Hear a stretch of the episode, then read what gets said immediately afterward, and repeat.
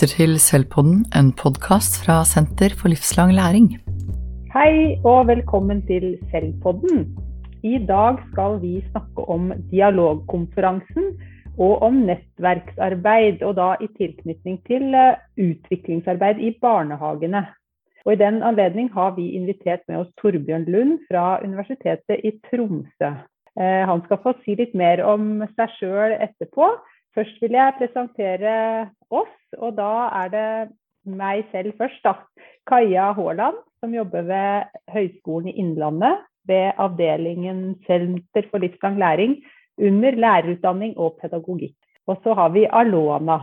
Vil du presentere deg, Alona? Ja, jeg heter Alona Kriken Naske, og jeg jobber både som barnehagelærerutdanning ved Oslo OsloMet, og så jobber jeg jo sammen med deg, Kaja, i, i Rekom hvor vi bl.a.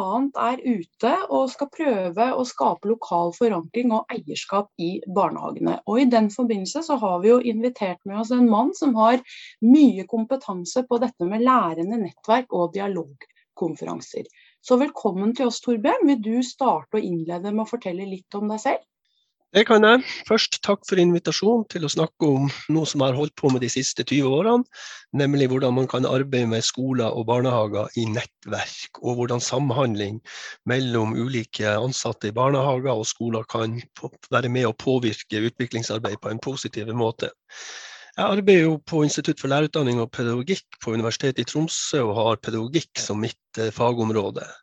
Men jeg har jo interessert meg for først og fremst skoleutvikling, siden jeg er skolemann i utgangspunktet. Men eh, også uh, utvikling innenfor barnehagesektoren uh, de siste 15-20 årene. Og i hvert fall prøvd å forstå hvor viktig det er at de ansatte og de som har praksisene sine ute i barnehagene, får anledning til å drive en kompetanseutvikling som, driver, som, som gir mening for dem, og som gir en mulighet for utvikling for, for gode barnehager til barnets beste.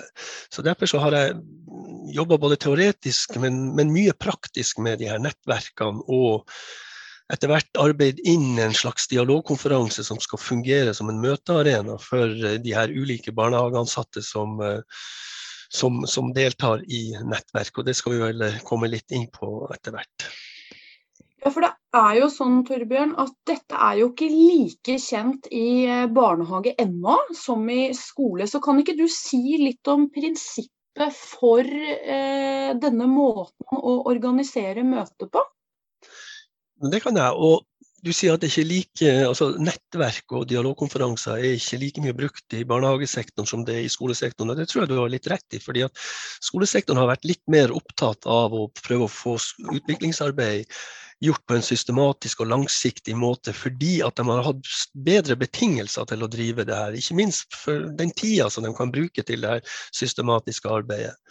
Eh, når barnehagene kommer nå, og særlig knytta til Rekomp, eh, så er det interessant å se hvordan det tar vei. Er de motivert for å arbeide med den systematiske endringa av sin egen praksis, så må vi tilby dem modeller og, og møteplasser som gir mening for dem. Og, og, og, den møteplassen som jeg arbeider for og med, den er jo først og fremst knytta til dialogen mellom ansatte i barnehagen. Og Der vet vi jo at eh, både styrere, assistenter, pedagoger osv. et mangfold med litt ulike perspektiver på hvordan man kan utvikle barnehagen på en best mulig måte. Så når jeg anvender dialogkonferansen som en læringsarena, så er det jo med, med, tanke på at for det første at det er praksis som er utgangspunktet. Det er praksis som skal forandres, og da må vi være der praksis er, og vi må snakke om den praksisen vi har. Og så er jeg selvfølgelig interessert i hvordan man kan bygge nettverk mellom ulike barnehager. For så vidt også internt i større barnehager der man har ulike avdelinger som kan snakke med hverandre om hvordan den beste praksisen kan utvikles i, i sin barnehage. Så Det er en slags sånn økologi jeg prøver å få til, der man snakker om ja, vi driver et utviklingsarbeid lokalt på vår avdeling eller i vår barnehage. Og så bygger vi en nettverksstruktur mellom de barnehagene for å utveksle erfaringer. Som igjen kan bety at man kan, man kan, man kan få erfaring fra andre til å bygge videre på sin egen kompetanse og sin egen avdeling. Ja, for I regional ordning så er man jo opptatt av at dette ikke skal være kurs, men kanskje mer en ny kurs for å få tak i folks erfaringer. Da. Og da blir jeg eh, nysgjerrig på hva er det med denne økologien for læring som særlig er nyttig for å få tak i de erfaringene folk har, og den lokale praksisen? Altså, dialogkonferansen den bygger jo på prinsippet om at praksis skal endres, som jeg sa innledningsvis her. Og den bygger også prinsippet om at vi må ha de ansatte med oss. For Hvis vi ikke får de ansatte med oss, altså medvirkning, så er tendensen til at eh, lite endring skjer. Og du kan si at ja, det er noe annet enn kurs, for kurs er jo en måte der eksperten kommer og forteller novisen hva han eller hun skal gjøre for noe på en best mulig måte. Men tendensen er jo at det er ganske langt fra kursrommet til barnehagerommet. Og at overføring av de erfaringene er litt vanskelig i, eh, i den sammenheng. Men den modellen som, som, jeg forsøker å bygge opp, som jeg kaller for dialogkonferansen, og kanskje jeg skal si litt om bakgrunnen for dialogkonferansen, for å hente frem hva, hva, hva er det slags metode, hva er det slags arbeidsform vi bruker da. Og denne Dialogkonferansen han har sin arv fra norske aksjonsforskere i, i svensk bilindustri på 80- og 90-tallet. For man hadde to muligheter når man sto overfor et problem i svensk bilindustri. Det ene var å ringe til eksperten. Kom og fortell oss hvordan vi skal løse det her. Og det andre var jo å sette i gang samtaler mellom de ansatte og mellomledere. For vi vet jo at de ansatte de står tett på sin egen praksis. Mellomlederne er de som er i stand til å lede det her og systematisere det. Så satte man i gang samtaler mellom de her, og veldig sånn strukturerte samtaler om hvordan utviklingsarbeidet skulle foregå. Hvordan man skulle forbedre bilproduksjon.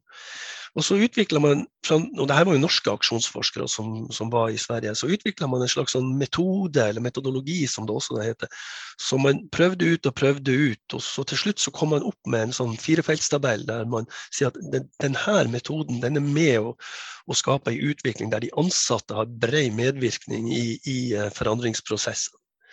Og ut fra det modellen som, som jeg fant da i, på Arbeidsforskningsinstituttet, så laga jeg min egen modell. For jeg tenkte vi kan gjøre det på en litt annen måte når vi snakker om utvikling i barnehage og skole. Og så laga jeg en dialogkonferanse som har et slags sånn arkitektur der vi tenker at ok, det må, være, det må både være teori og praksis. Dette er ulike kunnskapsfelt, det kjenner vi til. Og Spørsmålet er jo da hvordan kan teorien hjelpe til å forstå og snakke om praksis? Det var liksom et sånn kjernepunkt. Vi kaller det for en, en mediering mellom, mellom, teori og praksis. Ehm, det andre jeg, måtte ha i det her arkitekturet, som jeg kaller det, designet av en, en, en dialogkonferanse, det er forholdet mellom plenum og, og gruppe. Jo mer tid du bruker i plenum, jo mer monologer blir det. Jo mer tid du bruker i gruppe, jo større sjanser for dialoger mellom ansatte og f.eks. ledere kan det være. Og så er det alltid et forhold når du skal drive utviklingsarbeid. Du, du, du kommer fra en plass og skal til en plass. Du kan ikke forlate historikken din. og Du kan ikke forlate tenkinga om at du må, må, du må, reflektere over din egen praksis, altså det du faktisk har gjort når du skal ta steget videre.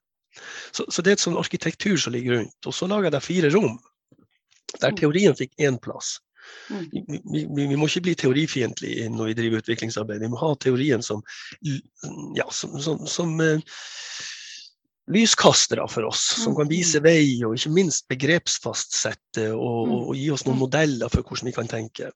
Men det må ikke være mer teori enn at vi, vi skjønner at det er praksis som skal utvikles. Sånn at jeg har en sånn tommelfingerregel om at maks en tredjedel av tida som vi bruker, skal være teori. Og så må vi ha et rom for der praksis får et ansikt når vi har en møteplass der deltakerne får legge frem sin, sin fortelling fra sin praksis om hva man faktisk utvikler. Og Det funker jo som en ren idéspreder. Hvis, hvis, man sitter og hører på andre sin praksis, så får man fort ideer om hvordan man kan, man kan, gjøre det her i sin egen praksis. Så sitter man der og lytter, og så driver man en slags sånn oversettelsesprosess mens det pågår i, i det her. Og så blir det litt annerledes enn det man, man, hørte. Så, så, det er ett rom. Mm. I det rommet så bruker jeg å si at ok, to tredjedeler av tida kan gå til eh, presentasjon av den praksisen, men så må vi ha en tredjedel av tida, og nå snakker jeg om, om 15 eh, minutter, til, eh, til, en samtale om denne praksisen. Altså en, en, praksis må tåle dagens lys og må på en måte underkastes en, en, en kommentar og en diskusjon. For vi er jo profesjonelle folk, og da må vi være på, på da må vi være på tale med hverandre og kunne kommentere hverandre. og Det, det kan ofte være en utfordring for mange barnehager, og ikke minst skoler, har jeg sett. Så vi må øve oss litt i det rommet der. Og det er jo det som er litt spennende også, Torbjørn, med disse rommene. At det på en måte blir en metalæring hvor deltakerne øver opp sin egen lyttekraft. I og med at det er såpass systematisk at de på en måte får en struktur for å dypdykke i sine egne erfaringer og reflektere over andres. Ja, og jeg har, jeg har skjønt det etter hvert at vi må jobbe av og til med, med å utvikle litt lyttekraft. Og og dette, her, dette, er jo litt sånn baktinsk inspirert, fordi at baktin er opptatt av dialogen. Og i dialogen så er det jo alltid en respons. Mm. Og i, i, responsen så ligger det jo muligheter til å lære noe nytt. For det er jo så enkelt som å forstå at alt jeg sier sjøl, det vet jeg jo fra før av. Mm. Men hvis jeg lytter til andre, så har jeg en viss mulighet. Og hvis jeg da responderer til andre, så mm. vil de også få en mulighet til å ta mm. til seg noen nye tanker. Så responsen og lyttekraft i det her er viktig. Og det prøver vi å få til i, i det tredje rommet, der vi setter sammen ulike deltakere fra ulike barnehager, fra ulike eh, avdelinger.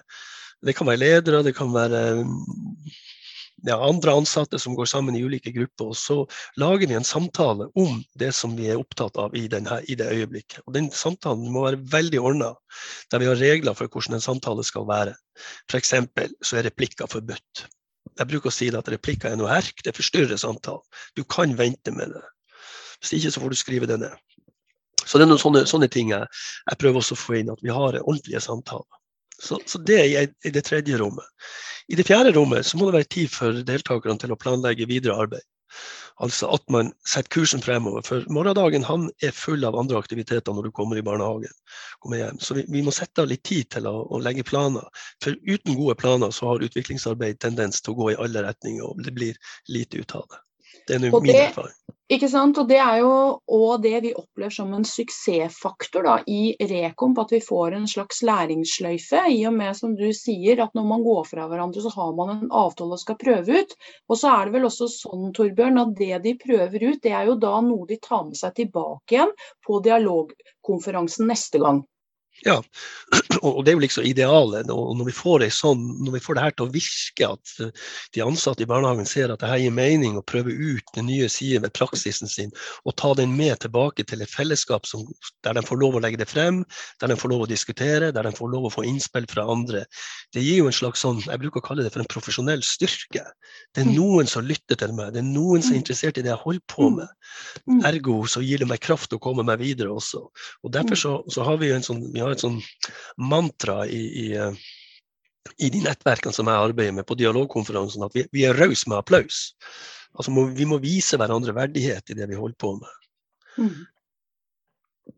Og Det er jo det som er fint, at deltakerne får jo en metalæring som kan bidra til å utvikle sin egen lederrolle, Torbjørn. For de får jo med seg en del eh, hva skal jeg si, holdninger og verdier som er gode, og i, og i, ledelse.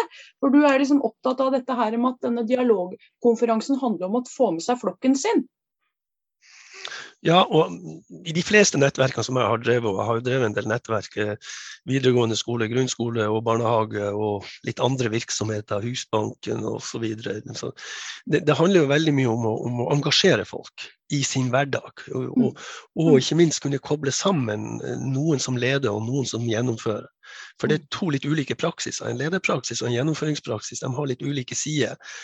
Eh, hvis ikke de her prater med hverandre, så er det en tendens til at de glir fra hverandre. sånn at Vår jobb på de her konferansene er å møblere sånne samtaler så godt som mulig, sånn at man blir kjent med hverandre sin virksomhet, og at vi har ledere som sørger for at det her tas opp når man kommer hjem.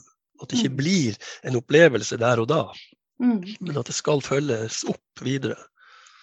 Og så er det jo en annen verdi i barnehagen Torbjørn, som er viktig. og det er jo dette med at Dialogkonferansen er jo også en arena for fagspråk. For det vi vet i barnehagen som ofte skjer, er jo at siden det er veldig mange ufaglærte, så blir jo fagspråket borte.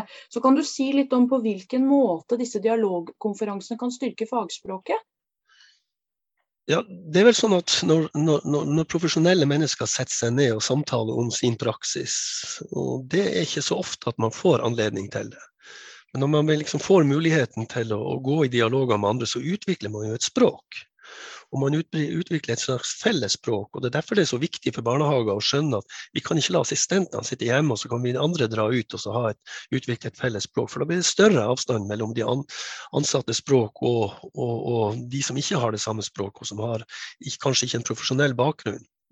Så vi vet jo noe om språk og handling og tenking, og vi vet jo at det er nær sammenheng mellom muligheter for å utvikle handlinger når du får språksette dem i møte med andre, sånn at det er mulighet til å forstå hverandre. Sånn at vi ikke snakker forbi hverandre, for det skjer ofte. Og særlig når nye begrep kommer inn, så, så, så går det en stund før man får dem samstemt og en felles forståelse. Så jeg tror at gjennomføring av sånne dialogkonferanser kan være med å øke den språklige samhandlingen det, det, er det ene. Og så har vi ett aspekt til som jeg har lyst til å løfte frem. fordi Vi har fått tilbakemelding fra observatører på sånne dialogkonferanser. Men den, det, det, skjer noe når mennesker setter seg ned og snakker sammen om noe de er interessert i og noe de har felles. Da oppstår det en tillit til hverandre.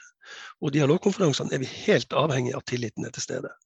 Jeg vil ikke utlevere min praksis hvis ikke jeg får får konstruktive tilbakemeldinger hos deg og applauser fra deg osv. Det, det sier seg sjøl. Sånn at vi må, vi må, utvikle den tilliten mellom folk. Og, og Observatørene som har vært til stede hos oss, har på en måte pekt på at det er en aura av tillit mellom de her som sitter her i den salen her nå.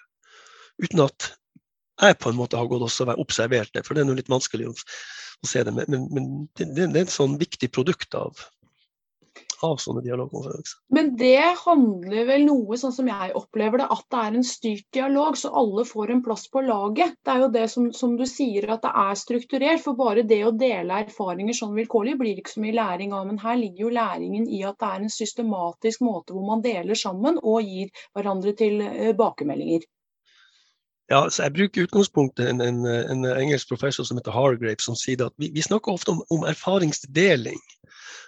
Og det, det, begrepet bruker vi i barnehager og skoler i Norge også. Når, når, to, når to, lærere eller barnehageansatte eller to skoler møtes, så snakker man om at man deler de erfaringene. Men, men, det er jo et veldig sånn passivt ord. For egentlig når du snakker om din erfaring til meg, og jeg hører på din erfaring, så begynner det å konstrueres tanker hos meg om at det her høres lurt ut. Kanskje jeg òg kan prøve det. Så, så egentlig så driver vi konstruksjon. Mm. Og, og, og, utvikling, kunnskapsutvikling fremfor deling. Mm. Og. Det tror jeg man skal ta med seg. fordi Vi jobber jo med ja, alt fra innovasjonsbegrepet til utviklingsbegrepet til kunnskapskonstruksjon. Det er mange begrep, men, det er altså en forandring som skjer. Mm. Og Det er jo noe av intensjonen med Rekomp også, at det er på en måte å bidra til utvikling nedenifra og opp. ikke sant? At det er ikke eksperter som kommer utenifra, men å prøve å hjelpe deltakerne til å finne sin egen praksis og utforske den. Ja, og, og, og, og, dette er jo et møte mellom, mellom UH-sektoren og barnehagesektoren. Og, og, spørsmålet er jo alltid hva slags rolle skal UH-sektoren ta? Skal den være eksperten som skal fortelle barnehagen hva de skal gjøre for noe når de, i sin praksis, eller skal de ta, ta, den andre veien, den som jeg har tatt, nemlig jeg legger til rette for kommunikative strukturer, sånn mm. at de erfaringene som man gjør i barnehagen, får en møteplass mm. og en, en, en, en positiv eh, innstilling til at skal du forandre en barnehage, så må du forandre den sjøl. Du kan ikke vente at andre der ute, verken UH-sektoren eller andre, kommer og forandrer den. Det hviler på deg og de mm. som er ansatt i barnehagen, å skape de endringene. Mm. Og her ligger jo hele, hele grunnlaget for Rekomp i, i den her. Men så er det handler om å få det til på en sånn lur måte. Og da er jo dialogkonferansen Kaja, ikke sant? en god struktur for å la deltakernes erfaringer få plass, og at UH-sektoren på en måte er med i et partnerskap mer, enn at UH-sektoren tar en hovedrolle. Absolutt. og Jeg får så lyst til å kommentere liksom, løfte fram også den muligheten man har til nettopp det å modellere disse gode rammene for samtale og dialog. Sånn at du gjennom det her klimaet som du beskriver, Torbjørn, hvor det er høy grad av sosial, nei, psykologisk trygghet, du skaper liksom denne tilliten som et sånt sosialt uh, lim. Men det er også det å modellere gode prosesser, sånn at alle får komme til orde. Som, som man som leder, da, enten det er uh, eller styrer i en barnehage eller, eller, leder på en skole, kan ta med seg tilbake når man skal liksom, videreføre og drive utviklingsarbeid i egen organisasjon. Ja, det, det, er en, det, er en, god observasjon, Kaja. og ja, vi, vi, modellerer de kommunikative strukturene, altså hva en god samtale om praksis er for noe. Men vi modellerer også praksisens betydning, i og med at den, et, den, den sitter i førersetet. Teorien han hviler der bak og skal være akkurat nok til å prøve å belyse den praksisen som, som man utvikler i, i, barnehagen. Og så er jo den forståelsen av at det, det er gjennom det sosiale samspillet at denne læringa oppstår og den muligheten oppstår. Og så har vi jo det innovative aspektet, nemlig at ideer som oppstår vi, vi, trenger jo ideer for å forandre ting. Mm, det, det, det, er ganske vanskelig å drive forandring bare hos seg sjøl, så vi trenger ideer utenfra. Sånn at vi tenker som sånn at Når vi setter sammen mange ideer i et nettverk, altså praksiser som, som, utforskes i en barnehage, så kommer de til dialogkonferansen. Da løftes de jo opp som en idé. Da er det jo ikke en praksis lenger, da er det jo en språklig idé. Og mm. den må jo reise til de andre, som da har mulighet til å laste den ned. Da bruker vi av og til å snakke om gode og dårlige oversettere de mm. som på en måte ikke klarer å løfte og, og, og hanke ideene inn fra de her samtalene. De kaller vi for litt dårlige oversettere. Mm. Ja. Men denne strukturen i seg selv Torbjørn, er jo en måte å få hjelp til å oversette teorien inn i egen praksis. Ja, det er det. Altså I det ene rommet som jeg snakka om, der vi har dialoger mellom deltakerne, der bruker vi av og til å flytte teoriperspektivet inn i samtalen og si at hva, hva, betyr det her teoretiske perspektivet i den praksisen som du utøver? Og da, da, da bruker man begreper fra teorien, også, men samtalen, og det her har vi, har vi tatt opp på poeng mange ganger, samtalen handler om praksis og den praksisen som utøves. Men sakte, men sikkert så, så, så, så hentes begrepene inn mot, mot, mot praksis. Og, og, vi trenger jo begreper for å ha et felles språk om den praksisen som vi, vi, vi utøver. Men da må, da må, det være anledning å trene seg på de, bruken av de begrepene. Mm. Og UH-sektoren utfordres jo også på det, Torbjørn. Dette med å prøve å få eh, denne samskapinga mellom teori og eh, praksis. At det ikke det blir en, en, eh, dikotomi. Men her er det jo en slags brobygger i mm. denne strukturen i seg selv, som jeg tenker at er veldig nyttig for deltakerne. Ja, altså Det har jo vært en sånn dikotomi, det er jo rett som du sier. og det Problemet har vært at praktikere ofte har avvist teori, og, og teoretikere har avvist praksis. Og da har man stått på hver sin side av elva og, og ropt til hverandre. og det, det, det, er jo ikke noe særlig gunstig for utviklingsarbeid. Så, så vi, må, vi, vi, må, sette sammen eller møblere eh, de her møteplassene sånn at det blir en mulighet til å mediere teori-praksisforholdet i, i, i, en setting. Mm. Og så er det jo også spennende Torbjørn, at eh, selv om du anbefaler at dialogkonferansen skal gå over, over, flere dager, så er det jo også en møteform som deltakerne kan ta med seg tilbake til egne kommuner, til egne praksiser og lære noe av det og skape noen ulike rom for å dvele ved praksis og teori. Og så etter hvert lage seg noen aksjoner i sin egen praksis. Ja, og, og, når jeg bruker altså jeg har variert, jeg har vel brukt to dager, jeg har brukt én dag, jeg har kanskje vært nede på en halv dag. når Det gjelder, altså det er jo bare spørsmål om hvor mange timer har du til disposisjon. Og når du vet hvor mange timer du har til disposisjon, så fordeler du dem innenfor de fire rommene. Mm. Da sier det seg sjøl at hvis du har seks timer til disposisjon, så kan du ikke bruke fire av dem til teori. Da må du fordele det sånn at det blir maks to timer. Jeg ville sagt en og en halv time, og kanskje bare én time. Så må det være rom for praktikerne å få legge frem sin praksis til diskusjon. Så må det være rom for, for, for deltakerne å få kunne snakke sammen om sine praksiser med litt ulike parter. Det er vel den eneste parten på plassen vi skal snakke om partnerbytte som en positiv faktor for, for utviklingsarbeid. Og så bør det være en liten, en, en liten, del der man ser fremover. Hva har jeg fått med meg fra denne, fra denne dialogkonferansen som vi kan bruke fremover i fellesskapet vårt? Mm. Mm. Ja, skal vi gå inn på landing her nå? Skal vi prøve å oppsummere litt kort, eller hva har jeg hørt? Da, Så da hører jeg om eh, dialogkonferanse som en måte å som et, eh, til å drive systematisk endring på en måte av egen praksis. Hvor eh, dialog om praksis settes i midten, for å si det sånn. Eh, og hvor medvirkning og det å samarbeide og ha, i grupper, snakke sammen, dele erfaringer på tvers, blir helt sentralt. Um, Torbjørn, du snakker mye om at det skapes en tillit og et sosialt lim mellom deltakerne. Og at man øver opp lyttekapasitet eller lyttestyrke, eller hva var det du sa så fint? Jeg tror vi snakker om lyttekapasitet. Ja, det er lyttekapasitet, ja. ja. Mm. Eh, så det handler jo om å bruke liksom, dialogen, samtalen, til å gjøre kunnskapen og den erfaringen og den praksiskunnskapen eller handlingsteoriene sine eksplisitte, da, og dele de med andre. Jeg har litt lyst til å legge til ett poeng til som vi kanskje ikke var så mye inne på. Altså, når, når vi har en dialogkonferanse, så er, jo, så, så er jo hensikten å hente inn praksis. Altså, en, en, dialogkonferanse er jo en diskurs om noe. og I dette tilfellet så er det så viktig at vi holder tett forbindelse mellom det som skjer på dialogkonferansen og den praksisen som vi utøver. At det ikke blir avstand mellom, mellom de. Så Derfor så må praksis få en helt sentral plass på dialogkonferansen. Mm. Ja, men da takker vi for eh, at vi fikk lov til å ha denne samtalen med deg, Torbjørn. Eh, og så må vi ønske hverandre lykke til i arbeidet videre med nettverk og dialogkonferanser rundt omkring. Både i barnehage- og skolesektor og næringsliv eller andre organisasjoner for øvrig.